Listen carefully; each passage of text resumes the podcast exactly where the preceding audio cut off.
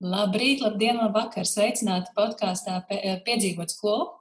Uh, jā, es esmu šorīt uh, lielā steigā, droši vien ne es viena, droši vien, ka daudzi vecāki un uh, skolotāji šodien ir uh, varbūt satraukti, bet es ceru, ka nē. Uh, šodien uh, podkāstā 14. sērijā es tiekos ar uh, mammu un skolotāju vienlaikus, un kas ir interesanti, uh, Um, viņa ir skolotāja pati saviem bērniem. Uh, un tā ir Evelīna Sproģa. Sveika, Evelīna! Sveika, Aija, un sveiki, klausītāji!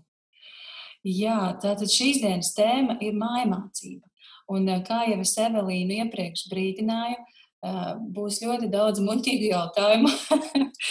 Uh, un es ceru, ka uh, es nesapīšos terminos, jo es, uh, es pilnīgi noteikti ļoti maz zinu par mājmācību. Un tieši tāpēc es uzrunāju Evelīnu, lai uzzinātu kaut ko par šo tēmu, jo šķiet, ka nu, šobrīd tā ir tik aktuāla kā vēl nekad.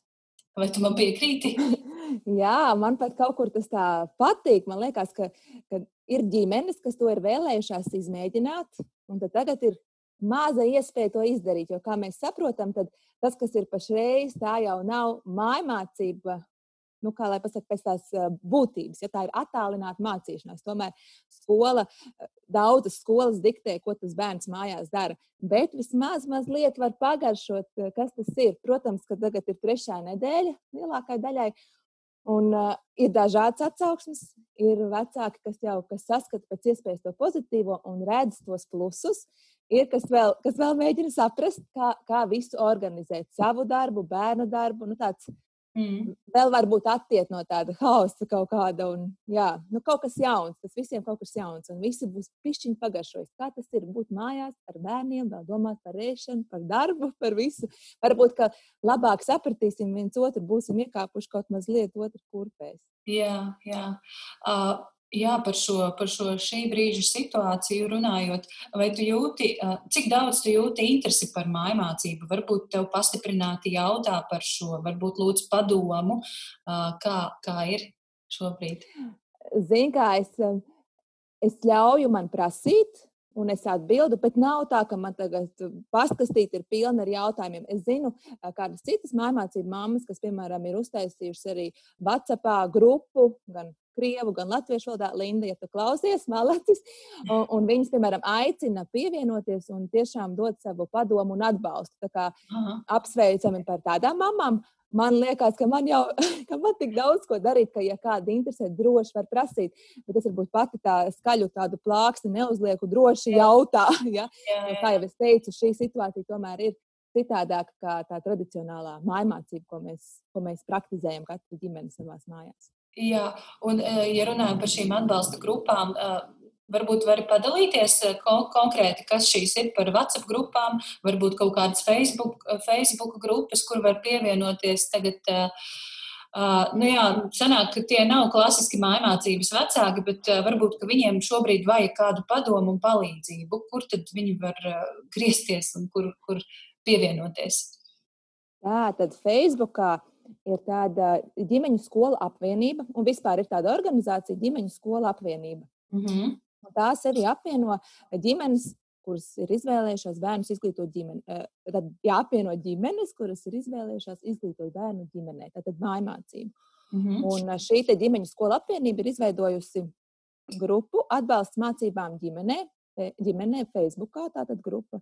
Mm -hmm. Es paralēli pārbaudu, vai es pareizi, jā, atbalsts mācībām ģimenē. Mm -hmm. Tad tur tiek likt iekšā kādi rakstiņi, pārdomas, iedrošinājumi, video, lai atbalstītu šīs ģimenes. Vēl arī var droši uzmeklēt mūsu, tad katrai mājmācību ģimenei ir sava sadarbības skola. Mm -hmm. Un nav tā, ka Latvijā būtu tikai viena vai divas tādas skolas, ir vairākas. Un konkrēti mūsējā, ar ko sadarbojās mūsu ģimene, ir pamatskola Universum. Tā atrodas Valmierā. Un šīs skolas vadītāji, Andris un Sofija Apsīši, viņus arī var uzmeklēt Facebook, arī organizē tādus tā kā, atbalsta video, tādus taisa live video, mm. kur viņi kā, dod kādu padomu vai vienkārši iedrošinājumu vai paskaidro, ka, kas un kā notiek. Jo viņi paši, Andris un Sofija, viņi šo skolu vada bet arī atbalsta ļoti mājmācību ģimenes un paši arī ik pa laikam, piemēram, kad Sofija paliek mājās ar, ar kādi, kādiem no mazākajiem bērniem, tad viņi praktizē to mājmācību mājās. Viņi var mazliet padalīties gan kā skola, Andis, kā skolas vadītājs, gan Sofija, kā mamma, kas ir mājās ar bērniem. Tā kā var piesakot viņiem, var uzrakstīt viņiem. Viņiem arī ir kāda grupa, kurā viņi regulāri uzrunā. Mhm. Uzrunā interesantus. Un arī pieminētā ģimeņu skola apvienība arī katru trešdienu tādu organizē tā kā online meetupu, kur var pievienoties un, un dzirdēt citu māmu pieredzes. Mm -hmm. Tas mhm. būtu par Facebook. Un tad Instagramā, ko es zinu, varbūt ka vēl ir, ir Linda Zariņa Es, uh, Vedic parenting saucās. Mm -hmm. Tā es to ātri paralēli arī atradīšu. Jā, Linda Zariņa. Un viņai ir arī WhatsApp grupa atbalsts mājmācībā. Mm -hmm. om.linda.zarina. Tā kā, jā, ir, ir iespējas ka, ja meklē, tad ir iespēja atrast un, un, un būs. Jā. Tās man tādas pirmās tāda ģimeņu skola apvienības, mūsu skolas, pamatskolas universuma un tad pieminētā Linda. Jā. Nu, tā, var, protams, var arī droši man uzrakstīt un tā, ja es varēšu, palīdzēšu kādu balsu ziņu aizsūtīšu. Jā, skaidrs. Liels paldies! Nu, bet tad sāksim varbūt no tā paša sākuma. es zinu, ka tu pati savā Instagramā esi jau dalījusies ar, ar savu motivāciju, kāpēc, kāpēc mājmācība, kā veidojās šī ideja, kāda bija tava motivācija, varbūt tavi mērķi. Pastāsti to savu stāstu vēlreiz. Tā, nu, jāsāk laikam ar to, ka man vienmēr ir paticis uh, tas mācīšanas process. Un es pati arī esmu strādājusi pirmsskolā par audzinātāju, par angļu valodas skolotāju. Un pēc darba pirmsskolā, kas bija estētikas skoliņa, es aizgāju strādāt uz Rīgas Mateja Baptistu draugu un biju atbildīga par visu, kas ir saistīts ar bērnu darbu. Tā bija svētdienas skola, tās bija nometnes, vasaras bībeles skolas, nu viss kaut kas, bet arī saistībā ar ar bērniem, ar mācīšanu, un šī gadījumā tā kā kristīgo mācību.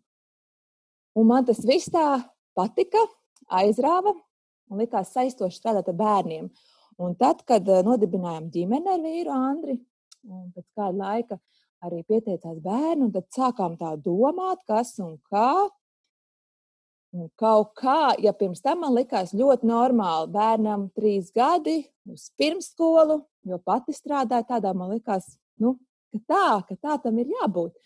Bet tad, tev, kā saka, tuvojās dzemdību laiks bērnam, tu sāc domāt, kur tu viņu dzemdēsi, kā tu vēlētos to darīt un viss un tā. Un soli pa solim, un mums visi bērni dzimuši mājās.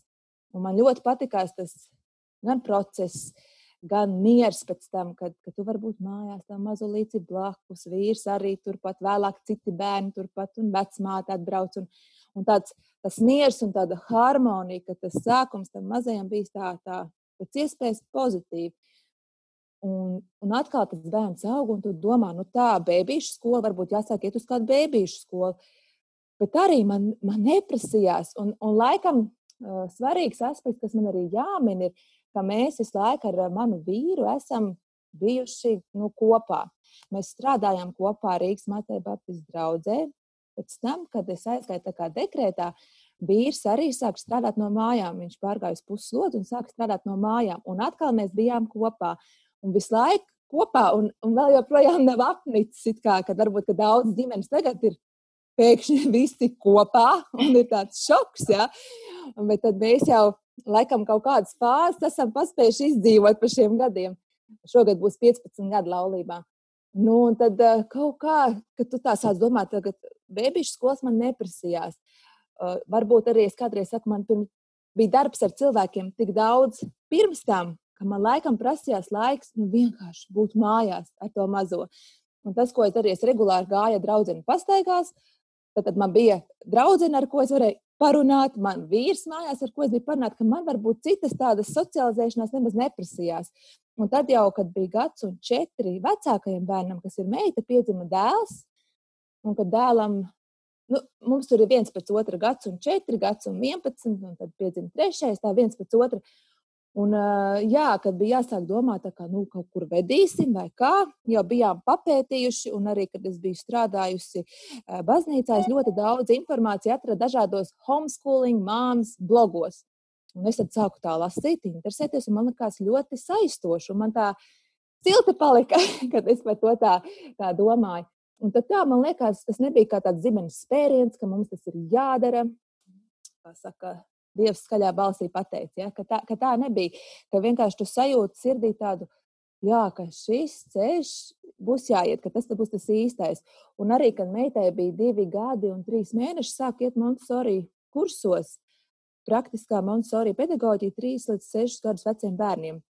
Un tie kursi man arī ļoti, ļoti iedod tādu labu pamatu, ko tad ar bērnu es varētu darīt mājās. Es pārnesu to, ko mums mācīja, ko dara Montessori bērnu mājās, kā sauc mhm. Montessori bērnu dārzus, bērnu mājas, ko es varētu pārnest uz savu māju. Un tad es sāku to praktizēt un redzēju, ka kas strādā. Un, uh, katrs mans bērns nākamais ir arvien agrākā vecumā ticis pie šķērē. Kā es jokojos, ka man ar pirmo likās, nu, kā nu, trīs gadi, trīs gadi sāk iet bērnārzā, sāk griezt visādi uzdevumi, nu, tad arī došu. Ja? Bet nē, kad, kad izrādās, izrādās, ka var dot ātrākās priekšmetus bērniem. Protams, vecāks ir klāt pieaugušais un iedod normālu instruktāžu, ja, mhm. demonstrējumu, un, un ka to var. Nu, tā kā pamazām, pamazām, tad Montessori kursi, kas iedod tādu, ka, ka tu to vari, un tad arī atbalsts no mūsu sadarbības skolas. Un tad jau skolas vecums, un tad jau bija skaidrs, ka mēs, ka mēs turpinām šo, te, šo te ceļu. Un arī uh, pēc tam turpināju mācīties Montessori skolas kursus, kas ir 6 līdz 12 gadi. Un ka tu redzi, ka tātad 3 līdz 6 gadus programma, kas ir Montessori, ja bērns iet Montessori bērnu mājā, un tur tiešām viss ir pēc labākajiem priekšrakstiem, kā pati Montessori ir vēlējusies, tad bērns patiesībā pašmācības ceļā jau ir apguvis ļoti, ļoti daudz, kas pēc tam vēlāk ir skolas programmā. Pirmā, otrā klase, trešā. Ja? Nu, kad, kad man arī bija pārliecība, ka tas bērns jau ir ļoti daudz ko dabūjis, ka mēs varam droši iet mājmācībā pirmo, otro klasi, ka viņš jau daudz ko zina, ka mēs vienkārši paskatīsimies, kas tad ir skolas programmā vēl ir, ko vajadzētu paņemt klāt. Mm. Nu, tā, tā kā, tāds mums tas ceļš bija. Mm. Tā, tā palēnām un ar tādu pārliecību. Un arī, ka tu vienkārši sāc uzdot jautājumus, nu, kāpēc vispār skolas sistēma ir radīta. Uh, nu, kāpēc tu, tu tā domā, nu, kā, nu, kāpēc? kāpēc man katru dienu bērns uh, jāsūta uz astoņām stundām uz skolu? Nu, tā vienkārši tā sēdi un domā. Skaļ, es, es lietoju parasti tādu hashtag skaļi domāju. Mm -hmm. tā skaļi, tā spriedelē, nu kāpēc? Nu Jā, es domāju, ka šie jautājumi šobrīd ir ārkārtīgi aktuāli, jo mēs redzam, jā, ir, protams, ļoti svarīgs tas otrs cilvēks, šis skolotājs, bet tāpat laikā varbūt skola kā ārka nemaz nav tik ļoti nepieciešama un, un ka to var kaut kā citādāk organizēt. Un, jā, interesantā laikā dzīvojam, kā es saku, jā, ļoti jā. interesantā laikā. Labi, bet tā tehniski, kas, ja es, piemēram, šobrīd izlemju, es nevēlos savu bērnu vest, vest uz skolu, es mācīšu bērnu mājās. Kas man, man, vai man kaut kur ir jāpieskās, vai man kaut kur jāiet uz pašvaldību un jāsaka, ka būs tā un pastāsta par šo, šiem procesiem? Nu, es teiktu tā, pirmām kārtām vīram ar sievu būtu jāsanāk kopā un jāvienojās, ka, Tas, ka mēģināsim, ja, ka to darīsim. Jāsaprot arī finanšu pusi, vai, vai tas ir iespējams. Mm -hmm. Jo tad, ja, ja šādu lēmumu pieņem, tad parasti tā alga nav divas algas, bet ir viena yeah. alga. Vai arī, nu, respektīvi, ir viens tas galvenais pelnītājs. Kā mēs mācāmies mūsdienās, kad ir tomēr labi, ja tev ir vairāk ienākumu avoti, ka varbūt tev ir kaut kādi vairāk, mazāk projekti, no kuriem nauda, nauda nāk un tad kaut, kaut kādu summu ikmēnešu veido. Bet tā, tā kā galvenais ir nevienoties, ka mēs kā ģimene jā, ejam, un ja būs kaut kādi, nezinu, jāsavēl kaut kādi jostas, jā, nu tā, kad, kad, ka mēs esam gatavi tā mērķa, tā mērķa dēļ. Bet kas tad būtu jādara? Ir jāatrod skola, ar kuru sadarboties. Un droši vien, ka būtu jāpaicā citas mājmācību ģimenes, kas ir redzes lokā, redzes laukā, var uzrunāt ģimeņu skolu apvienības valdi, uzrakstīt viņiem, jo viņiem ir veikta aptauja un ir saraksts ar skolām, kas sadarbojās. Tad konkrēti mēs varam ieteikt pamatskolu universumu, tad vecāki var zvanīt uz skolu, norunāt tikšanos ar skolas direktoru, un tad jau ir skolas direktors tiekās ar potenciālo mācību ģimeni. Viņš eh, iziet cauri tādai arī anketai, izpratņā par motivāciju, kāpēc to vēlās darīt, kāpēc ar viņu skolu. Nu, tāds apusēji iepazīšanās. Mm -hmm. Tā kā galvenais jā, ir saprast, ar kuru skolu būs tā sadarbība. Jo tā skola ir tā tāds jumts, zem kuras mācībnieki ir un tā tāds starpnieks starp valsti un šo ģimeni. Aha, tā, tā kā, jā, es, es arī to tā nebiju domājusies, ka, ka jā, ir taču jābūt šeit it kā piesaistas vietai, piesaistas skolai. Līdz tu kaut kad pavisam nesen dalījies, ka, ka jums ir šī te skoliņa universuma, kas mm -hmm. ir jūsu mhm. sadarbības skola, un tad es tā sāku domāt, ah, Pagad, tad, tad tā notiek. Uh, un, un ir ļoti dažādi. Ir, piemēram, privātas skolas, kas sadarbojās, ir arī valsts skolas, kas sadarbojās. Un tad, attiecīgi, ģimene var izvērtēt, jo, piemēram, privātu skolām dažādām ir arī dažādas mācību maksas. Mums arī ir katru mēnesi kāda summa skolai jāsamaksā. Bet tas nav tā, ka es neko nemaksāju, jo skolai arī ir kaut kāda izdevuma, kas ir saistībā ar mūsu ģimenēm. Un valsts skolām atkal ir citādāk jo valsts nauda tiešām aizsako tam bērnam līdz valsts skolai, tad tur atkal būs eh, citādāk viss tas. Ir dažādi šie modeļi. Un kā, kā, kā notiek šī sadarbība? Kas, kas tieši, nu, kā skola jums palīdz, vai uh, kas ir tas, ko skola jums uh, dod, kādu atbalstu? Es teikšu, tā tas ir atkarīgs no katras ģimenes un cik daudz viņa šo atbalstu grib un pat iet un prasa skolai, vai jūs varētu mums iedot kādu resursu vai padomu, kā mēs varētu to vai šo iemācīt bērnam. Bet tas, ko skola mums dod, ir piemēram šogad uzdevuma LV prof pieeja katram mhm. bērnam. Uh, Rozeta Stone, pateicoties skolas iniciatīvai, mēs varam izmantot šādu vietni, kas saucās Rozeta Stone, svešvalodas apguvēju. Un, ja cilvēks, parastais mirstīgais, iet uz šo vietni, viņam ļoti augsta šī maksa ir par vienas valodas apguvi. Bet uh, skola ir sarganizējusi tā, ka ir iepirkusi ļoti daudz šīs paketes, un mēs varējām par ļoti labu cenu nopirkt gada pieeju uz 24 valodām. Tā kā bērni var paralēli mācīties vairākas svešvalodas, ja ir laiks un enerģija. Tā ir pieeja Somēlv, tā ir pieeja Letonika LV. Tā kā šādas iespējas izmantot dažādus internetu resursus. Skola regulāri organizē tādas arī online tikšanās, kā mēs tagad satiekamies Google Meet vietnē, kur, piemēram, bija pirms šī visa, kas valstī tagad sākās, arī notika tādas regulāras tikšanās. Piemēram, es ar kādu citu māmu esmu live un dalos par mūsu pieredzi, un citi vecāki skatās un var uzdot jautājumus. Un atkal citu mēnesi divas citas māmas stāsta savas pieredzes un atkal mēs varam uzdot jautājumus. Nu, tādas pieredzes apmaiņas tikšanās. Mm -hmm. Notiek kādas arī vecāku sapulces šādā veidā, arī ka visi sēžam un, un klausamies un komentējam. Un kā notiek, piemēram, pārbaudas darbi ir caur uzdevumu LV. Mums arī tagad viss aprīlis ir salikts pilns ar pārbaudas darbiem. Tā kā mums ir patiesībā situācija valstī tāda, kā ir, bet mums tas mācību process nu, turpinās un, un ir jāstrādā, un nevienā brīdī nevar atslābt. Nu, tā.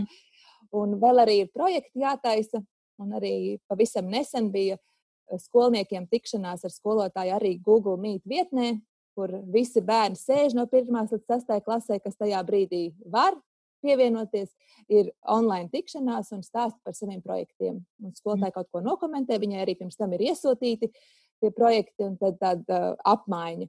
Mm. Un vēl arī mēs izmantojam tādu CISO vietni, kurā mēs liekam savu portfolio, liekam iekšā savus darbus, ko darām. Fotogrāfijas, video, PDF, citi dokumenti. Nu tā, tā kā tas ir tas, kā tā mūsu sadarbība ar skolu notiek. Un mēs arī mm, skola organizē regulāri tikšanās vai nu pie sevis Valmjerā, vai savā filiālē, kas ir Imantā, pedagoģijas, psiholoģijas vecajā ēkā, Jūrmālas gata 76. Tur atrodas filiāli, kas saucās Mājas skola. Un tad mēs tās telpās tiekamies arī. Mm. Tā kā skola mēģina tādas nu, trīs reizes vismaz gadā līdz piecām tādas tikšanās organizēt. Un tad ģimenes pašas redz, vai viņas tiek vai netiek. Skola vēlās mums redzēt kādas trīs reizes tajos pasākumos vismaz. Un tad, ja vajadzīgs, tad jau viņi katru ģimeni uzrunā individuāli un, un uzorganizē kādu vai online tikšanos vai, vai kādu citu sarunu. Nu, tā, tas ir tieši konkrēti par šo skolu, jo katrai skolai ir, Jā. ir citādāk. Ir, ir, kur es dzirdu, kad ir ļoti liela brīvība. Ir, kur varbūt skola nesen to ir sākusi un vēl mēģina pati saprast, kā ar šīm ģimenēm sadarboties un tikt galā. Mm. Un tādā ziņā ar šo skolu mēs jau esam septiņus gadus kopā. Un tā ir Montesori skola. Tas man ļoti patīk, ka viņi saprot man no pusvārda. Es pasaku, strādājam ar zelta, ar, ar banku spēli vai ar, ar zelta pērlītēm vai, vai kaut kādu citu materiālu, ka viņi zina, un zinu, ko Evelīna dara. Nu, tā ka man nav vēl jāpaskaidro, kas tas ir.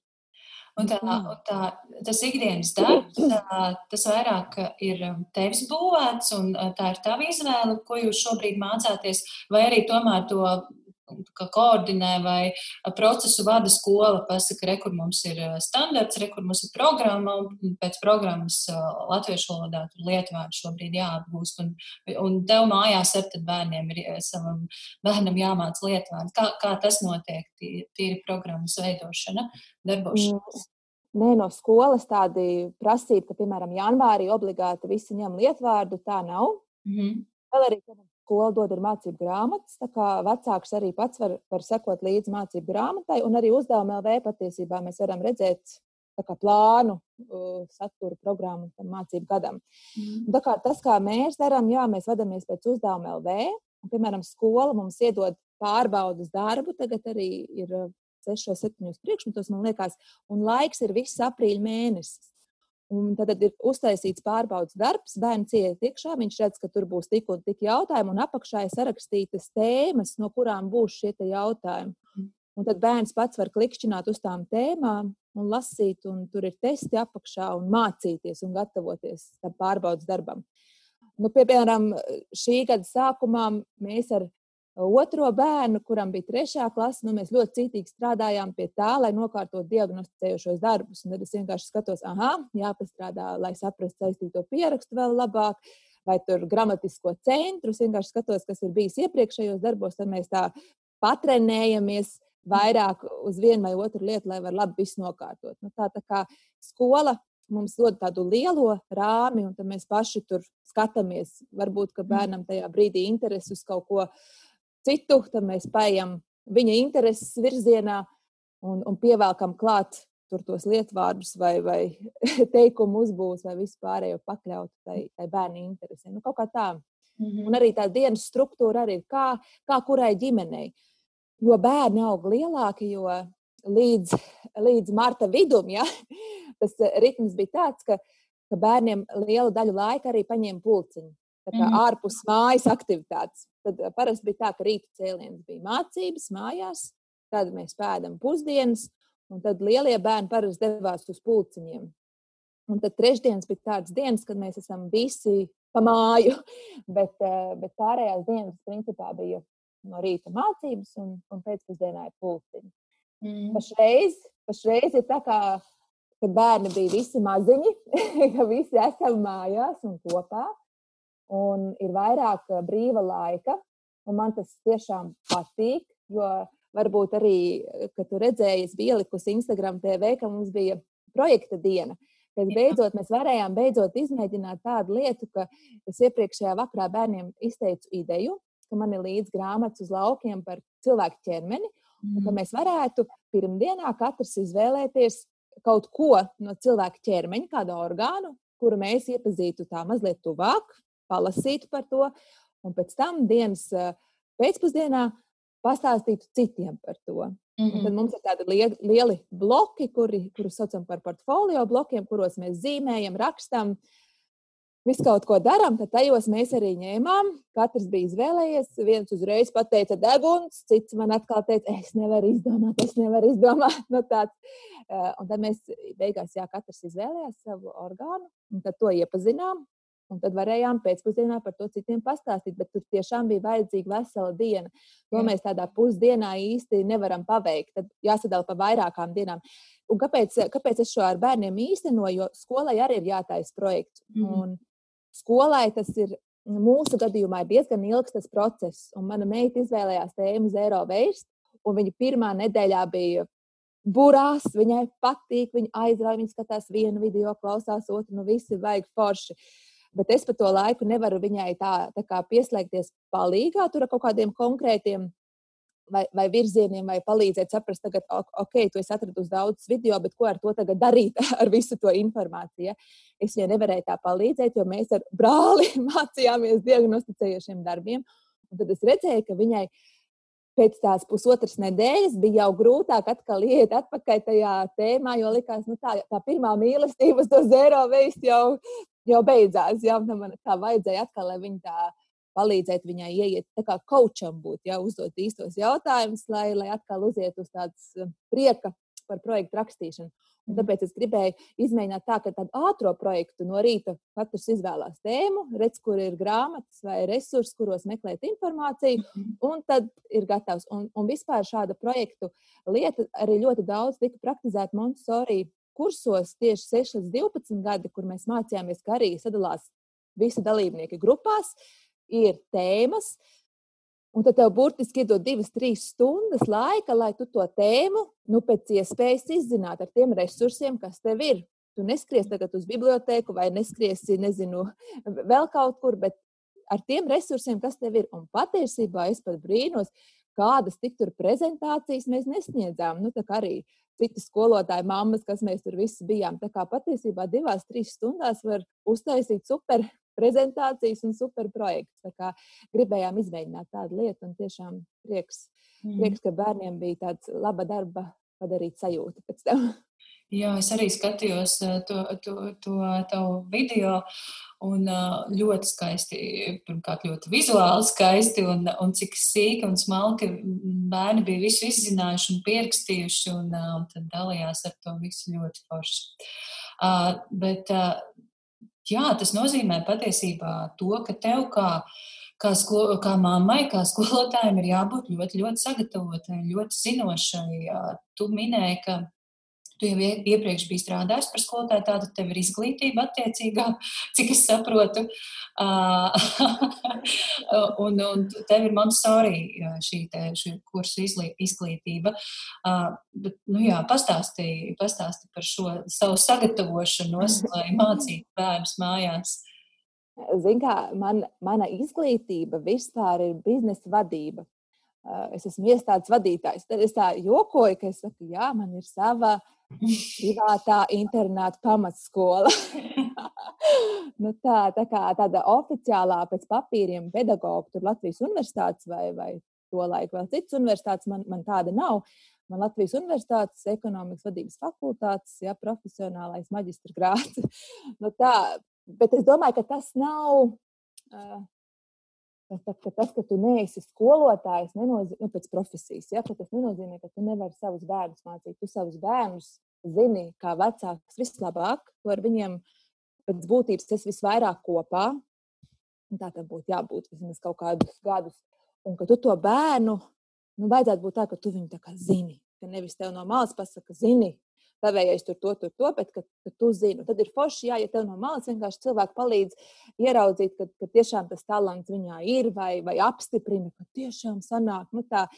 Bet jā, tad vajadzīgs ir vecāks, kurš grib izzināt pasauli, un mums apkārt ir. Nu, Nu, pasaule taču ir brīnišķīga. Nu, tā, ja mēs atkāpjamies mazliet no tā, kas tagad notiek un kam, kam iet cauri, un tā pēc būtības viss ir brīnišķīgi un gudri radīts tas pats cilvēka ķermenis. Ja? Mhm. Kā, kā tur viss gudri salikts, ja? kur tur zarnas, kur tur aknu plaušas, kuņas. Nu, viss, nu, būtu kaut kā citādāk, mēs nevarētu funkcionēt. Ja? Tāpat, nezinu, zemes, zemes atrašanās pretstatā saulē arī, ja mēs būtu tuvāk, viss pa karstu, viss nekas tur nevar dzīvot, būtu kaut mazliet tālāk no saules, atkal par augstu.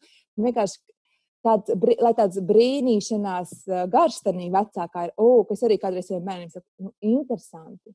Nu, interesanti, kāpēc ir tā vai šitā.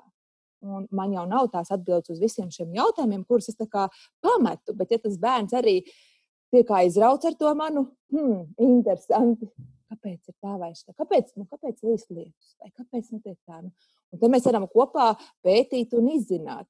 Tā kā es teiktu, tāda atmodināt sevī to vēlmi izzināt, jo ir, es domāju, ir viegli, ja tu esi bijis visu laiku tādā ritenī, darbs, mājas, darbs, mājas, kaut kāda karjera, viss tur. Ka tu varbūt pārstāji brīnīties, pārstāji priecāties, pārstāji uzdot jautājumus par to, kas, kas ir apkārt. Un, nu, jā, man liekas, ka svarīgi ir nebeigt brīnīties, interesēties un tā kopā ar bērniem vienkārši interesanti. Nu, interesanti, kā cilvēks šādu zūmu izdomāja, ka mēs varam tādā programmā mhm. sarunāties un tikties attālināt. Nu, tā, tas par to izglītību. Kā jau teicu, tiešām Montesori kursi man ļoti daudz ko devuši. Un arī droši vien, ka man ir vecāki un gēni, jo man abi vecāki ir skolotāji, un mani vecvecāki ir skolotāji. Nu, tas arī droši vien ir spēlējis lomu. Un varbūt, ka interesanti jā, būtu jautājums, kāpēc es neaizgāju uz pedagoģiju, Jo man liekas, ka mani vecāki kādreiz teica, bet tu tikai ne par skolotāju, bet varbūt es arī alojos. Nu, tāds, jo, jo pēc vidusskolas man bija tā doma, ka mani mudināja izvēlēties profesiju, kurā es varētu nopelnīt. Nu, lai tā lai labāk, tā dzīve labāk. Ja? Un tad es, man bija variants jurists vai ekonomists. Un vēl man stāvēja arī uz izvēles kaut kā varbūt par aktrisi. Bet nē, beigās jā, es iestājos, jo pabeidzu, laikam, vēl joprojām skaitās Latvijas viena no labākām skolām. Pabeidzu to un iestājos par budžeta ekonomistus. Tāpēc arī aizgāju, aizgāju to mācīties. Nu tā, nu tā, tā es teiktu par tām izglītībām, ka galvenais, lai ir vecāks, kurš arī grib izzināt pasauli kopā ar bērnu. Jo tā jau ir. Es tagad arī mācos kopā ar bērnu visu un ieraugu tās pašas vārdšķiras daudz interesantākā, daudz skaistākā, aizstošākā veidā, nekā es atceros no skolas. Tāpat Jā. radošā rakstīšana, nu, kad es viņu iemīlu tā citādāk nekā, nekā pati gāju tam cauri. Nu, tā -hmm. kaut kā.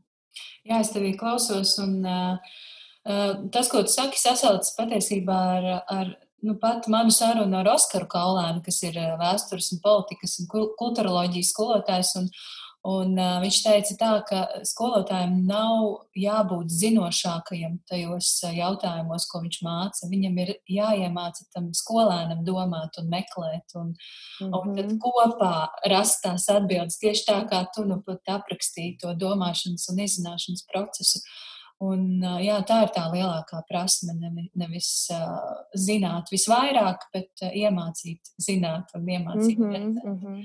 Jā, tā, tā otra lieta, ko tu pati arī atbildēji, es klausījos tevi un domāju, kur tu tāda radies. Un, un, nu, tas, nu, nu, tas ir, man liekas, vai nu tas ir dabiski cilvēkā iekšā, vai arī kaut kas kaut kā nu, dzīves laikā tas ir jāiegūst. Un tu saki, ka tev vecāki un vecāki ir bijuši skolotāji. Un, Un, un, jā, un arī šī Montesori apmācība, kas droši vien arī iemācīja. Redzēt lietas un saskatīt uh, kaut kādas interesantākas kombinācijas mācīšanās. Jā, jā, jā, jā. Man patīk, man Montesori pedagoģi ir iedavusi to, tas, kas ir tagad arī skola 2030, ja, kompetenci izglītība, ka patiesībā mēs nevaram paņemt atrauti tā, tikai latviešu valodu, vai tikai geogrāfiju, vai tikai ķīmija. Nu, viss taču viss ir saistīts. Tu paņem recepti, cepsi kūku. Tas viss ir kopā. Tur ir latviešu valoda, tur ir matemātika, tur, ja tā vēl ir kaut kāda Āzijas recepte, ja, tad mēs varam paņemt geogrāfiju. Klāt, tas viss ir savstarpēji saistīts. Nu, tā, ka nevar tā vienkārši paņemt tagad tādu. Tikai, tikai lasīsim recepti, meklēsim tagad pieturzīmu lietojumu. Ja? Nu, tā, jā, jā. Protams, ka var arī tā, var jau arī tā, bet varbūt var uzcept to, kas tur ir teikts, un tad vēl interesantāk paliek lasīt, kur ir jāliek koli un komati un viss pārējais. Jā, ļoti forši. Uh, jā, tev, tev ir četri bērni. Ja? Mm -hmm, mm -hmm. un tā kā laikam ir meita, cik es saprotu no Instagram, Jā. un piektajā klasē šobrīd mācās. Jā, man ir, man ir tātad meita piektklasniece, mm -hmm. tad ir dēls trešā klase, Tātad Adriana 5. klase, Niklaus 3. klase, Andrejs 1. klase, Kristapam 4 gadi. Mm -hmm. Un Un kāds ir tavs plāns? Tu, tu plāno līdz 9. vai līdz 12. klasē mācīt mājās, viņus uh, pastāstīt par, par nākotnes plāniem. Es pašreiz turu acis vaļā, skatos, kas notiek. Visi, es domāju, mēs piekrītam, ka kaut kas būtiski mainīsies arī izglītības, es domāju, vispār domā sistēmā Latvijā, nu vispār. Jo tagad arī piedzīvosim to, kā tas ir mācīties attālināt, tie, kas, kas saka, mm -hmm. ir, ir parastās skolās un tā. Nu, ka, ka redzēsim, un tāpēc es tur acis vaļā. Vienkārši būs interesanti redzēt, ko piedāvās varbūt skolas nākotnē. Mm -hmm. Bet tas, ko es redzu arī pēc rādu draugu bērniem, ka turpina tātad izglītoties tālmācībā. Pēc sastā klasē mēs vēl varam, sastā klase mums ir viss kā, kā pašreiz, un tad septītā un uz augšu. Tad ir viens variants, ir tālmācība, kādā no tālmācības skolām. Arī mūsu pašu pieminētā universuma skola arī sāk piedāvāt šo tālmācības programmu. Tā kā ļoti iespējams varētu turpināt pie viņiem. Ir arī kādi, ko mēs zinām, kas mācās vispār attālināt citā valstī, nevis Latvijā, bet ārpus Latvijas. Uh, Nu, tā kā skatīsimies, es vēroju, mums arī ir kādi draugi, kas jau nākamgad viņiem ir jāuzsāk šis septītās klases posms, tad paskatīsimies, ko viņi izvēlēsies un, un kā, kā viņiem ies. Un tajā pašā laikā es atkal uh, zinu arī ģimeni, kas, piemēram, pēc sestās klases, ka bērns sāk iet skolā, mm. parastā valsts skolā. Un uh, arī lielos vilcienos šiem bērniem problēmu nav iejusties Vienam varbūt tas sanāk ātrāk, vienam varbūt pēc vairākiem mēnešiem, bet kad aiziet un iejūtas un sadraudzējās, un, mm. un ka mhm. nav tā, ka uh, tagad nu, arī daudziem tāds mīts, man liekas, līdz šim ir bijis, ka, ka mājmācības ģimenēm ir problēmas ar socializēšanos, ja, ka sēž tikai savā alā un, un mācās un neko citu nedara, ka tā nav, ka mēs arī mums arī ir draugi, viņas jau pieminēja pulciņus un viss, nu, kad visi esam sociāls būtnes un nevaram iztikt kontaktu. Piedod, es tev pārtraucu, man, lai nepazūd doma, jo šis bija arī viens no jautājumiem, ko man uzdeva Instagramā, tad, kad es vakar mm -hmm. sarunas padalījos, ka es ar tevi šodien runāšu, un tad varbūt kādam ir jautājums. Un tas bija viens no jautājumiem, jā, par socializēšanos. Kā, kā, kā jūs ģimenē nodrošināt šo socializēšanos un iepazīšanos ar citiem bērniem? Cilvēkam atbildēja nu, būtu interesanti droši vien parunāt ar ģimeni, kurām ir varbūt viens bērns, un tas ir mājmācībā, tas viens bērniņš. Tad ir noteikti jāpiedomā vairāk pie tās draugu būšanas un jāieplāno laiks kopā ar, ar tiešām draugiem. Tad mhm. mūsu gadījumā, kas esam daudz bērnu ģimene, kad pašiem jau ir liels burziņš mājās, ja, un, mhm. un vieta, kur mācīties konfliktu risināšanu un visas pārējās prasmes, kas ir vajadzīgas, tad, tad, tad tā socializēšanās notiek. Es varbūt varu atkāpties atpakaļ, kad bērni bija mazāki, tad uh, mēs ar draugu arī uzorganizējām tādu lietu, ko mēs nosaucām par spēlēsim skolu, ka mēs reizi nedēļā braucām kopā un mācījām bērnus. Un tad mēs kopīgi izdomājām tēmu. Pa nedēļu tam mēs tur vienojāmies, ko mēs, ko mēs varētu darīt, ko mēs varētu ēst, ko mēs varētu kā rokdarbu uztaisīt. Un tad mēs, tā bija piekdiena, piekdienā sabraucām kopā, tad uh, izdarījām uh, tās mācības, ko mēs gribējām ar bērniem. Tad mums bija kopīgas pusdienas, un tad bija tāds, kā saka, free play, ka bērni vienkārši spēlējās, un mēs mammas dzērām kafiju mm. un, un parunājām, vai nu paplānojām nākamo tikšanās reizi, vai vienkārši parunājām. Un tā mēs sākām ar vienu māmu, ar draugu Zani, un pēc tam pievienojās vēl māmas, un beigās mēs jau bijām piecas māmas. Un, uh, nu, nezinu, cik tie bērni mums vēl joprojām tie skaiti aug, bet man liekas, vidēji bija kaut kādi, nu, nezinu, 10 līdz 12 bērni tādā tikšanās reizē. Nu, tā tas arī ir vēl tāds veids, kā šo socializēšanos nodrošināt. Tad tu zini, ka reizē nedēļā būs tāda kopā sanākšana. Mm. Un, un bērnam, manuprāt, nemaz nevajag katru dienu obligāti būt kaut kādā kolektīvā. Nu, tā, bet tās ir jā, man, man, manas domas. Un, Un, un mēs katrs drīkstam domāt atšķirīgi. Tā kā jā, mūsu situācijā mēs nodrošinājām to kopā būšanu ar, mm. ar draugiem, kad organizējam tādu tikšanās. Mm. Un arī jā. patiesībā tagad mēs, tagad ir skolnieki, viņi jau tīņu vecumā, tad mums arī patiesībā ir viena ģimene, draudzene Marita, ar kuru mēs arī kopā, nu pašreiz nu, dzīve ir ieviesusi uz savas korekcijas, ja? un tāpēc mums tagad ir citi plāni. Bet, tad, pirms, pirms visa šī te mēs tikāmies, mēs mēģinājām tikties reizi trijās nedēļās. Arī uz kopīgām mācībām, uz kopīgu draudzēšanos. Mm. Tad, vai nu tas bija, piemēram, brauciens uz dabas muzeju, kur mēs arī paņēmām nodarbību, divas ģimenes. Senāk tā kā tāda privāta stunda par ļoti draudzīgu cenu, jo daudz bērnu ģimenēm dabas muzejā ir ļoti labas kā, atlaides, mm. vispār ekspozīcijas apmeklējums pa brīvu, bet tā nodarbība tur, man liekas, katrai ģimenei bija 5 eiro. Man liekas, nu, super privāta stunda pie zinoša speciālista. Mēs tikai divas ģimenes, un tur ir bērni, kas grib mācīties, kas uzdod jautājumus, kas uh, grib darboties. Nevis vienkārši, ah, kur mani atveda. Mm. Tā kā pēc tāda muzeja mēs gājām kopīgi turpat uz parku. Keksiņus uzēdam, paskrienam, pasportojam, parunājamies. Nu, tāds, tāda veida kopā būšana, vai arī atbrauc pie viena vai otru uz mājām, kopīgi pastrādā, pamācās, pēta pusdienas un tad sporto vai spēlējās kaut ko tādu dara. Tā kā nu, socializējamies, viss, jā, viss notiek. Tā. Nu, nav, jā, nav tā, ka skola vai bērndārs ir vienīgā iespēja, kur satikt citus jā. cilvēkus un citus bērnus. Un, un, jā, tas jautājums, ko tu jau pašā sākumā minēji, kāpēc skola ir vajadzīga, uh, nu, tu jā, ļoti daudz vielas pārdomām, ja tā var teikt. Un, zini, kā, es, es negribu pateikt, ka tagad uh, skolas nav vajadzīgas un skolotāji nav vajadzīgi. Nē, nē, nē, es ļoti cienu un respektēju tiešām. Es pat arī zinu ļoti daudzus labus, izcilus skolotājus, kuriem ir tā dāvana nodot to zināšanu tālāk vai aizdegt tajā bērnā vēlmi izzināt pašam.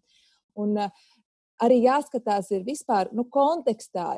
Ja ir ģimene, nezinu, varbūt ir māma viena pati, kurai ir divi bērni, nu, nu, ir tā situācija tāda, kad ir jāstrādā. Nu, tad ir ļoti labi, ka ir iespēja, jā. ka, ka, ir, ka ir iespēja, kur bērnam būt pa dienu. Jā, nu, tā, kad, ka, jā jāskatās ir kontekstā, jāskatās jā. katrai ģimenei, jāskatās valstiskā kontekstā. Piemēram, pirms gada vīrs bija Indijā un stāsta, kāda tur ir skola un kā vispār bērns tur var tikt uz skolu. Tā mm. ir vieta, kur bērns var normāli apģērbu, darbūt un ēdienu. Ja? Nu, tas vispār ir atkal pilnīgi cits konteksts. Nu, tā, tā kā, jā, viss, jā, skatāmies plašāk, skatāmies plašāk, ka ir, ir vietas, kur, kur ir labi, kur tas ir vajadzīgs. Un tā, un ir, kur ir, es domāju, es esmu tik pateicīga, ka mēs varam dzīvot Latvijā.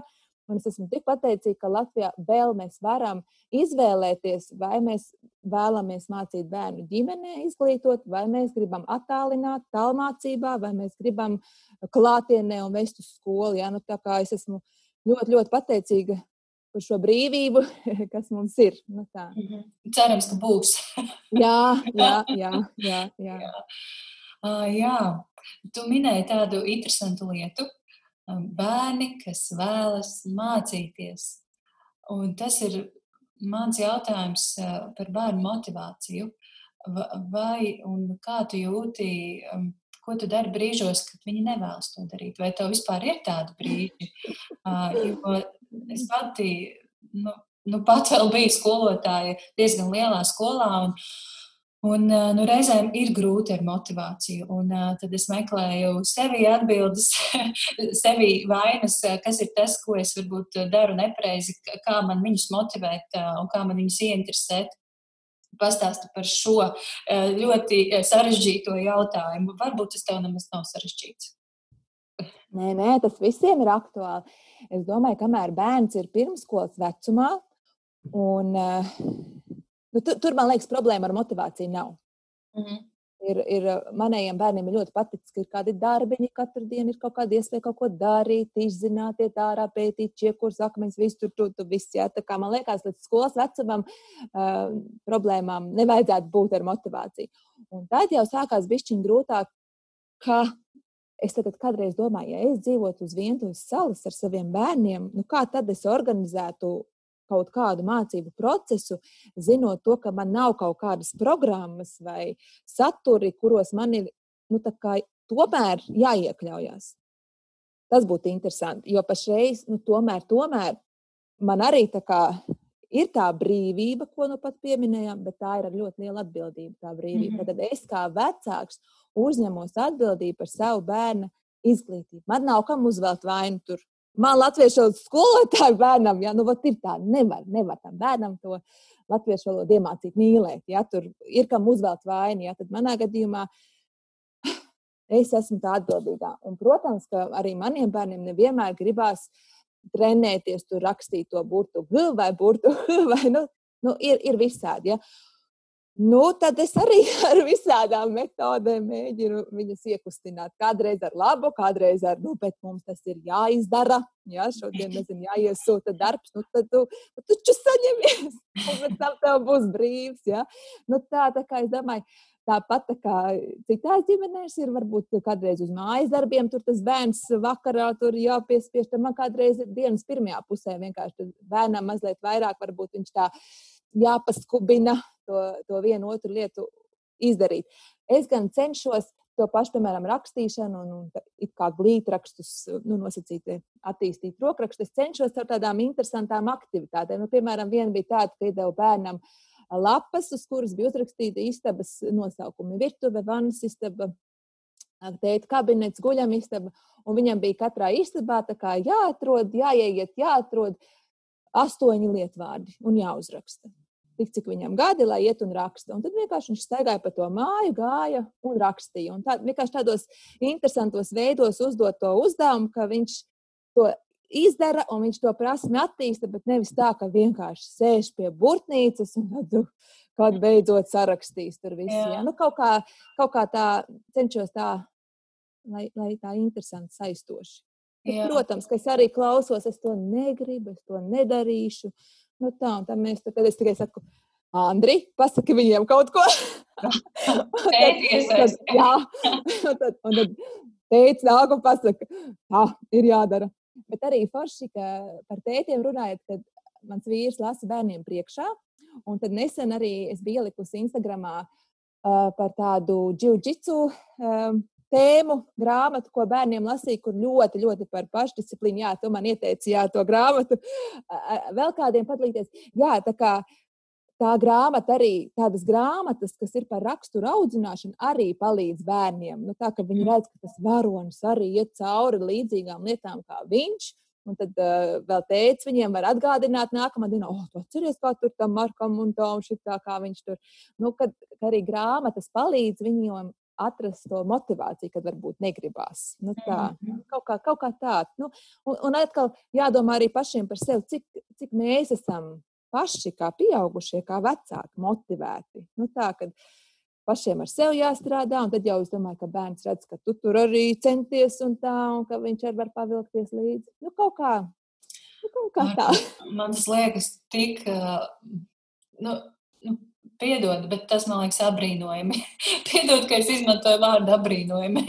Es nezinu, varbūt kā, uh, tu jau esi atklausījusies šī, šādas, uh, šādas apzīmējumus, bet uh, jā, kā nu, man no malas klausoties, tas liekas ļoti, ļoti. Oh, nu, ārpus šīs pasaules mazliet, jo tur ir jābūt, jā, kā tu saki, tavai motivācijai, tavam spēkam. Nu, tavam radošumam, tavai uh, kaut kādai um, jā, darba struktūrai. Un tāpat laikā nu, tu taču arī esi vienkārši mamma. Taču es arī cilvēks, cilvēks, es cilvēks un sieviete, kas varbūt grib kādā brīdī pa, nu, paklusēt vienatnē, pabūt vienatnē. Kā ir ar šīm lomām ikdienā? Tu dabū, mhm. dabū sevi sajust tikai kā māmu, nevis mammu un skolotāju, vai tikai kā viena pati kā sieviete, vai nu, mm -hmm. visiem kopā kā sieviete. Pastāst par šo. Jā, nu, zini, kā es arī tā kādreiz domāju, tad mēs visu laiku kopš savas piedzimšanas arī esam tikuši, ja tā varētu lietot vārdu, programmēti, saprogrammēti. Ja, kad arī nu, esam gājuši bērnu dārzos, skolās, un mums tur ir mācīts šī tā un tā, un kaut kādi dzīves modeļi, nākamie, ko, nezinu, kāda profesija. Un tad kaut kāda programma mūsos ir visu laiku tāda, tu, tu, tu. Mm -hmm. Varbūt arī attiecībā par šo māmas, skolotājas lomu, kas un kā ja mēs tā padomājam, vecāki taču ir savu bērnu pirmie skolotāji, Un tādas pirmās autoritātes, pirmie tādi iedvesmotāji. Ja, kad, kad bērniem, arī puišiem, varbūt prasa tur kaut kādus, nezinu, varoņus vai ko, tad daudziem tas pirmais ir tēvs un būtu forši, ja būtu tas tēvs. Ja, varbūt, ka tagad mūsdienu pasaulē daudz kas mainās un vairs tā nav. Bet man liekas, ka tā būtu jābūt, ka tā ģimene, tā pirmā tā šūna, kurā tas, tas, tā saime, kurā bērns ir, ka tur viņam ir tas, nu, ir tas kā māma, skolotājs, ka viņš tā, nu, tas viss ir tik kopā. Un taču kādreiz tā bija, nu, patinam, patinam laiku atpakaļ, lauku sēta. Ja? Ir, ir, ir, maz, ir bērns jau, kurš, kurš var iet ganos, pieci gadi. Kādreiz jau piecos gados gāja ganos, bija atbildības, bija jāgana cūkas, zosis, ja? vēl nezinu, tagad tas ir bērnu tiesību pārkāpums. Toreiz bērns gāja, viņam bija atbildība, un, un viņš to darīja, viņš izdarīja to savu darbu. Nu, tā kā man liekas, ka kaut kā es nezinu, jau uz kurien tā pasaule iet, bet ļoti daudz kas mainās. Un es arī, es arī neiedodu savam piecgadniekam tādu atbildību, kādu iedeva pirms simts gadiem, ja 200. Bet tādā lauku sētā viss notika. Tam bērnam tika iedotas zināšanas par to, kā rūpēties par, par dzīvnieku, par dabu, par norisēm dabā, vērot dabu. Ah, paskatieties, kāds ir debesis, rīt būs lietus, ienesam iekšā to vai šo, vai tieši speciāli atstājam kaut ko ārā, lai lietus aplēja. Ja?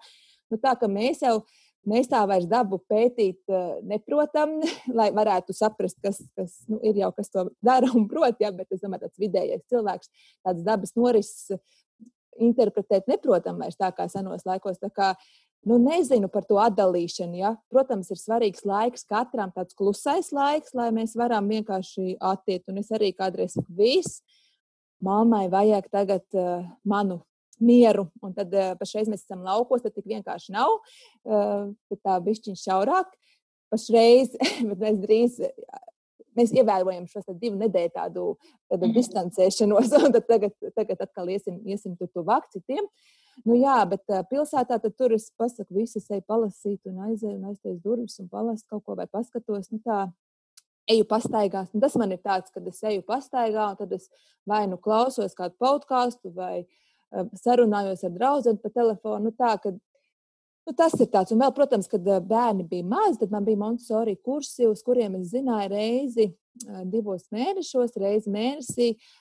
Man ir tādas divas dienas, kas būs tikai manas. Iešu uz Montesori kursiem, satikšu arī Viktoriju, nu es pats, ja? vai, kādu, vai kādu citu. Un, un vienkārši būs tāds, tas būs tas mans laiks. Un tā, protams, es pēc tam tās zināšanas varēšu likt lietā ar bērniem, bet nu, tāds kad ar citiem pieaugušiem mēs tik kopā parunājam, pamācīties. Un tādi kursi patiesībā tas ir mans tāds seminārs. Man ļoti patīk tā pamācīties un audzēt kvalifikāciju, ja?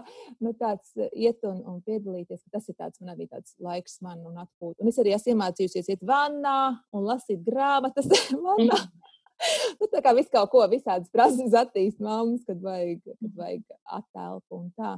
Nu, jā, tā kā es tā baigi strikti tā, tā nesadalu tās, ka tagad nu, es esmu māma, tad skolotāja, tas viss tā, tā kā saplūst kopā. Bet, protams, ko arī saka, man ļoti patīk klausīties amerikāņu māmas, kurām ir jau mazbērni, kas arī tiek mājmācībā mācīti. Tātad viņām ir liela pieredze ar saviem bērniem, un nu, jau viņas redz, kā viņu bērni māca arī mājmācību, ir izvēlējušies.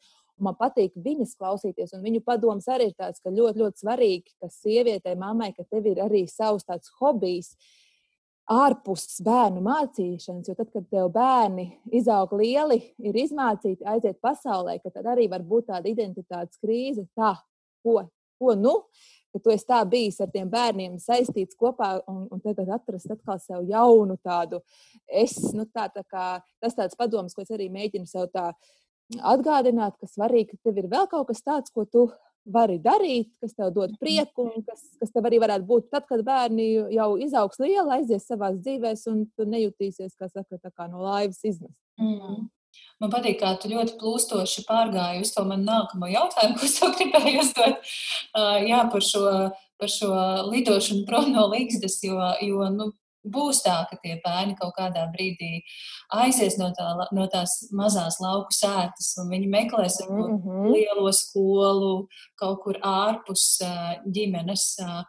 Un jā, tu tā, tu, tev pašai liekas, ka tu, tu esi gatava, vai arī tu esi morāli sagatavojusies, ka tā būs, un, un tad jau redzēs, kā tas būs.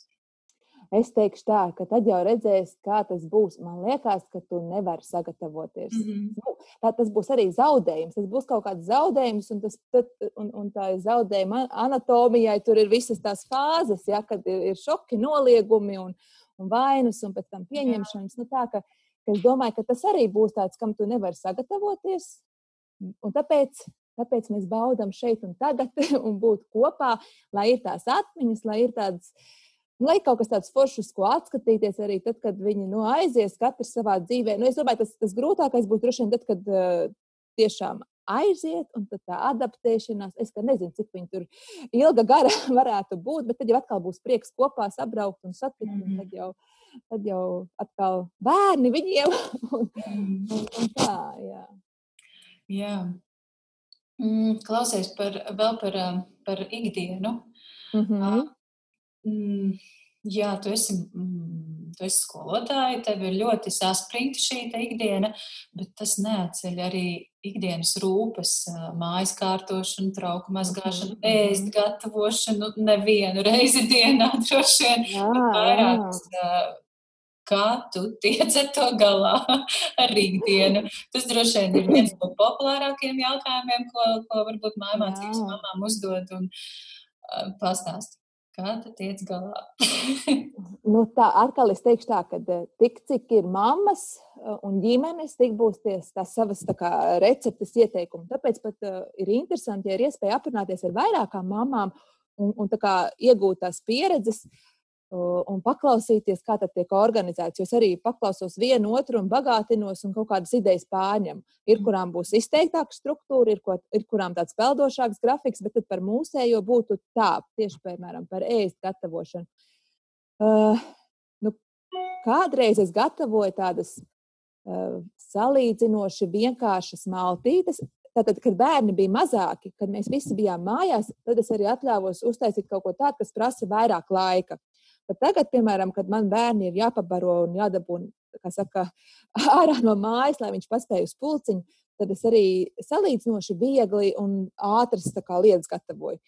Piemēram, vienu brīdi ļoti ejoši bija griķi, slavenie griķi, kurus, kurus, piemēram, es no rīta vienkārši karstu teikanu uzlēju uz pannas, kur bija griķi, uzlēju virsū tiem griķiem, uzliku virsū vāku un atstāju. Un viss, un līdz pusdienas laikam tas karstais ūdens, un nemaz tur elektrība nav, vai uguns apakšā zem pannas, un vienkārši tie griķi ir jau gatavi. Tad es vienkārši viņus uzsildu, klāt ir salāti. Un, viss, un mēs esam pēduši pusdienas. Kaut kādas tiešām vieglas tādas receptes. Tagad uh, vīrs saka, arī ieinteresēts, lai sieva ir laimīga savā ikdienas darbā, uzdāvināja tādu foršu katlu Ziemassvētkos visai ģimenei, kas saucās Instant Pot, kurā es vienkārši visu salieku, aiztaisu vāku ciet, uzlieku laiku un, un ir gatavs. Un tas tiešām tādai mājmācību ģimenei tas nu, ļoti, ļoti atvieglo dzīvi. Jo, piemēram, iztēloties dienu, vīrs no rīta pieceļās, viņš aiziet uz virtuvi, katlā ieliek visu, kas ir vajadzīgs auzu pārslu putrai, un iziet savā ikrīta pastaigā. Un es vēl esmu gultā. Es jau tā lēnām tur ceļos, visi bērni arī. Bet kā es esmu izkāpusi ārā no gultas, dzirdu, katls tin, tin, tin, ziņo man, ka putra ir gatava. Un es domāju, yes, cik labi, man nav bijis jā, jāvār putra. Nu, tad mēs tur, kā saka, izkustamies, ejam uz virtuvi un varam jau brokastot. Pēc uh, maltītēm traukus un virtuvi sakopja bērni. Ir īpašs grafiks, kurā katru reizi vienam no bērniem ir jānomazgā trauka, vienam ir jānoslauka trauki un vienam ir jānokopja virsmas un grīda. Mm. Drīz izskatās, ka varēsim arī ceturto bērnu likt iekšā grafikā. Pašreiz ir trīs. Tātad bērni, lielie bērni tiek galā ar visu, kas ir saistīts ar virtuves nokopšanu. Pa to laiku es eh, atkal salieku katlā visu, kas ir vajadzīgs pusdienām. Piemēram, sagriežu sīpolus, saldo kartupeli, lēcas, ielieku iekšā garšvielas un uzlieku vai nu ar tādu uh, delay režīmu, ka bišķi varbūt kāds minūtīts vēlāk, lai sāk gatavot, vai arī lai sāk gatavot tūlīt. Un mēs, tātad, kamēr bērni novāc virtuvi, es esmu jau sagatavojis pusdienas. Un mēs ejam mācīties. Un esam pabeiguši mācīties, un es jau dzirdu, ka katls ziņo, ka ir gatavs. Vai arī, ja, ja es arī nenorēģēju, tad vienkārši paliek tāds režīms, ka keep warm, ka viņš uztur viņu siltu, to, kas ir tajā katlā. Mm -hmm. Un tad, kad mēs aizējām uz virtuvi, lai ēstu, ir silta maltīte. Un, ja, es, ja ir laiks, es uztaisu klāt salātus, un tad mēs visi kopīgi pēdam, un bērni iet uz pulciņiem. Tā kā manā situācijā pašreiz ļoti atvieglo tiešām šis katls, kurā es tik ielieku, uzlieku režīmu, un, un ir arī turpat olas izvāra. Un, un, un tā, tā kā, tā kā jā, tas tāds, tāda laba investīcija, par ko es esmu pateicīga vīram, ka tas tiešām atvieglo, atvieglo to mm -hmm. ikdienas soli. Jo tad, kādreiz es arī esmu praktizējis to, ka es vāru zupu uz divām dienām. Vai es uzvāru rīsus, tad es uzvāru tā, ka tas būs divām dienām, lai nākamajā dienā vai nu man vēl ir tāds vispār knifs, ko esmu paņēmusi no savas ģimenes. Ja es esmu ja tās pārpalikums ir tik mazs, ka īsti nesanāk tur katram pa porcijai, tad es uztaisīšu omleti, es pielikšu klāt vēl kaut ko, un man būs omlete. Omlete visiem sanāk, tā, tā, kā saka, pa pannu, pa pannu visi izliekam, un visiem sanāks. Nu, tā, tā kā kaut kādi tādi e, knifiņi, kaut kāda pienākuma sadalis noteikti. Es, es domāju, ka es varētu noteikti vairāk iesaistīt bērnus arī pie grīdu sūkšanām un, un mazgāšanām mm. un vannas istabas sakopšanas. Tur var būt Kāpēc, kāpēc pašreiz viņi to tik daudz nedara? Jo man pašai tas patīk, un man pašai tā ir tāda sava veida atpūta. Nu, tā kā man nav, nav kāds jāmāca vai kaut kas jāpaskaidro, kas ir vienkārši uzreiz ir rezultāts spīdīgs, spogulis, jā, tīrs. Tu uzreiz redzi savu darba augli. Jo nevienmēr varbūt tu tā ar, ar savu bērnu strādājot, uzreiz redzi to rezultātu. Tu ieraugi viņu vēlāk, un tad kādreiz ir grūti, nu, tā, ka tu uzreiz neredzi, kad lampiņa viņam iedegās un kad ir. Ja? Nu, tā. mm. Nu, Jā, tu runā, un es saprotu, ka man vēl tik daudz uh, jautājumu tev ir. Uh, Būs jāturpina. Jā, man liekas, mēs jau stundu kādu runājam. Un, un, uh, jā, tas, ko es gribēju vēl pajautāt, noteikti ir, kur tu smelies iedvesmu, jo tev ir ārkārtīgi interesanti, interesants aktivitātes. Es vēroju Instagramā, kā tu darbojies ar bērniem. Ļoti interesants un skaists tieši šis materiāls par Latvijas prezidentiem. Tagad arī šis pēdējais projekts par, par cilvēka orgāniem Kur, kur, ir šī, kur ir šī ideja krātuvīte? Vai tas vienkārši nāk kā tāds op, oh, vai, vai varbūt kaut kur smēlies kaut kādas konkrētas lietas? Jā, pastāsti. Paldies, paldies par labiem vārdiem, Māja, un par tām idejām un iedvesmām ir tā, kā jau es teicu, mēs esam visi sociāls būtnes, un mēs nevaram pastāvēt paši par sevi vieni paši. Un tāpat arī es eh, smeļos iedvesmu no savām draudzenēm, no citām māmām, kas ir gan mājmācībā, gan no citām eh, māmām, kas ir skolotājas. Ja? Ka, piemēram, Montesori kursos mēs esam tik tāda raiba publika bijām. Tur bija gan mammas, gan, uh, gan skolotājas, gan jau skolotājas ar pieredzi, kurām ir lieli bērni, gan skolotājas, kurām ir mazi bērni, skolotājas, kas ir privātas skolās, kas ir valsts skolās. Un visi ir tādi forši, aizraujoši, dedzīgi cilvēki. Un viens nāk ar tādu ideju, viens prezentē tādu. Un tad ļoti daudz, kas ir arī no kursiem, kaut kādas idejas, daudz kas ir no manām mājmācību mamām. Mums arī ir savi čati, kuros iemet kādas idejas, ko katra dara. Nu tā, citas, citas ģimenes, kas padalās, tas pats Instagram vai Pinterest, ka tur kādreiz pameklē. Un, protams, ka ir arī tā, ka, ka tu vienkārši tev ir tā doma, tā tēma, ko tu gribi attīstīt. Un tad tu vienkārši skaties apkārt, vai tu ej pastaigā, un tev pēkšņi bums atnāk kaut kāda, vai tu kaut vai vienkārši klausies kaut kādu podkāstu, un pilnīgi ne pa tēmu, bet tur ir kaut kas, kas tev iedod tādu, oh, šito varētu izmēģināt manā kontekstā, nevis kā tas autors ir runājis. Nu mm. tā, visu laiku tādā, tā, tā, tā, tur ir acis, ausis vaļā, ko, ko mm. varētu Idejas jau idejas ir daudz, bet eh, jā, es nespēju tās visas īstenot. Es jau esmu sev iedavusi atlaides, ka tev nav viss jāīstenot. Tu vari arī vienreiz, kādreiz vienkārši padot tās idejas tālāk, un tu redzi, ka tās tiek īstenotas. Nu, tā, ka, jā, neprasīt arī no sevis kaut kādu pārcilvēcību. Vienkārši būt šeit un tagad. Tu arī esi parasts mirstīgais cilvēks, tu arī drīksti raudāt, tu drīksti priecāties. Nu, tā, es jau esmu parasts, es tiešām esmu parasts cilvēks. Ja? Mm. Tā, kurš vienkārši ir izvēlējies bērnus izglītot ģimenē. Nu, tā. Mm. Jā. Klau, nobeigumā mm, es gribētu, lai tu padalies. Tu minēji podkāstus, ko tu klausies par mājmācības tēmu. Varbūt kaut kādas grāmatas, ko tu ieteiktu palasīt par šo tēmu, vai vispār, ko tu ieteiktu palasīt. Jā, es, es ielikšu visu, ko tu ieteiksi. Es ielikšu mhm. sērijas aprakstā, lai cilvēki, kas klausās, mammas, tēti, skolotāji, var tad paņemt un arī iedvesmoties? Zini, kā man liekas, ka man vajadzēs bez maz vai tev aizsūtīt uzreiz, jo es tagad vai es varēšu tā ātrumā nosaukt. Nu, vismaz jau kādu podkāstu, ko tu klausies teici par, par mājmācību, bija kaut kas. Nu, zini, kā es pat neklausos tik daudz par mājmācību, kā mūsu pašu, piemēram, tēvu aija. Ja? Jā, paldies! man, man, jā, man, man, piemēram, zini, kas ir interesanti, ka uh, skolas laikā es vispār pabeidzu humanitāro klasi skolā, bet nebija tā, ka es uh, nu, tā, tādā ļoti lielā fanā būtu par to latviešu valodu kaut kā. Mm. Bet uh, tagad gadiem ejot un piedzīvojot to, ka mēs, es arī pati nāku no piecu bērnu ģimenes. Mm -hmm. Un pašreiz vienīgā es esmu Latvijā, un visi pārējie ir pa visu plašo pasauli.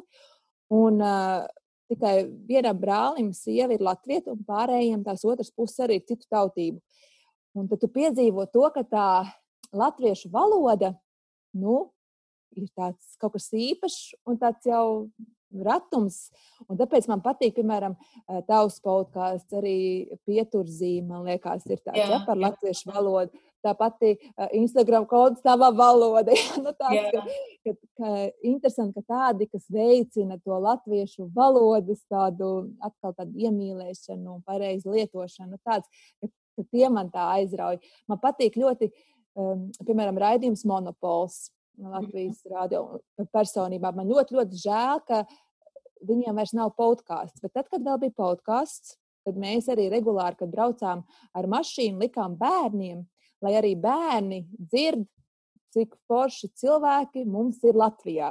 Cik dažādi. Vienam tas interesē, vienam šis. Un, un tiešām, kamēr mēs uz laukiem atbraucam, trīs tādas monopols var noklausīties, un tad arī bērni ir bagātinājušies.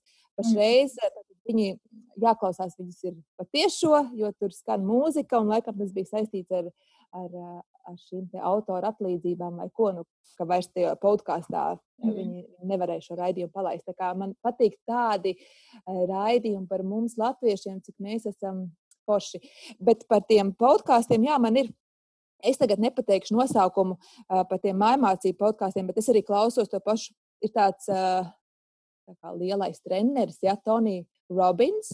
Mm -hmm. Tonija Robins. Un nu, viņam ir arī nu, nu, ļoti spēcīga personība, ļoti spēcīgas mm -hmm. uzrunas un, un viņa tās apmācības.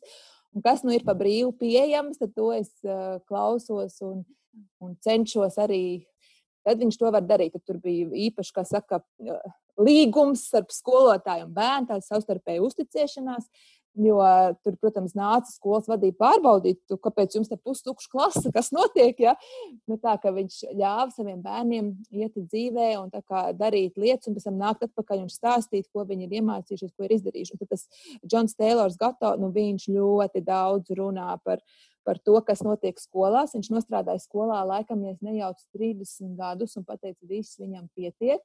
Uh, ka, nu, Amerikas situācija atkal ir citādāka kā Latvijas. Uh, nu, tur cits, cits spēles noteikumi.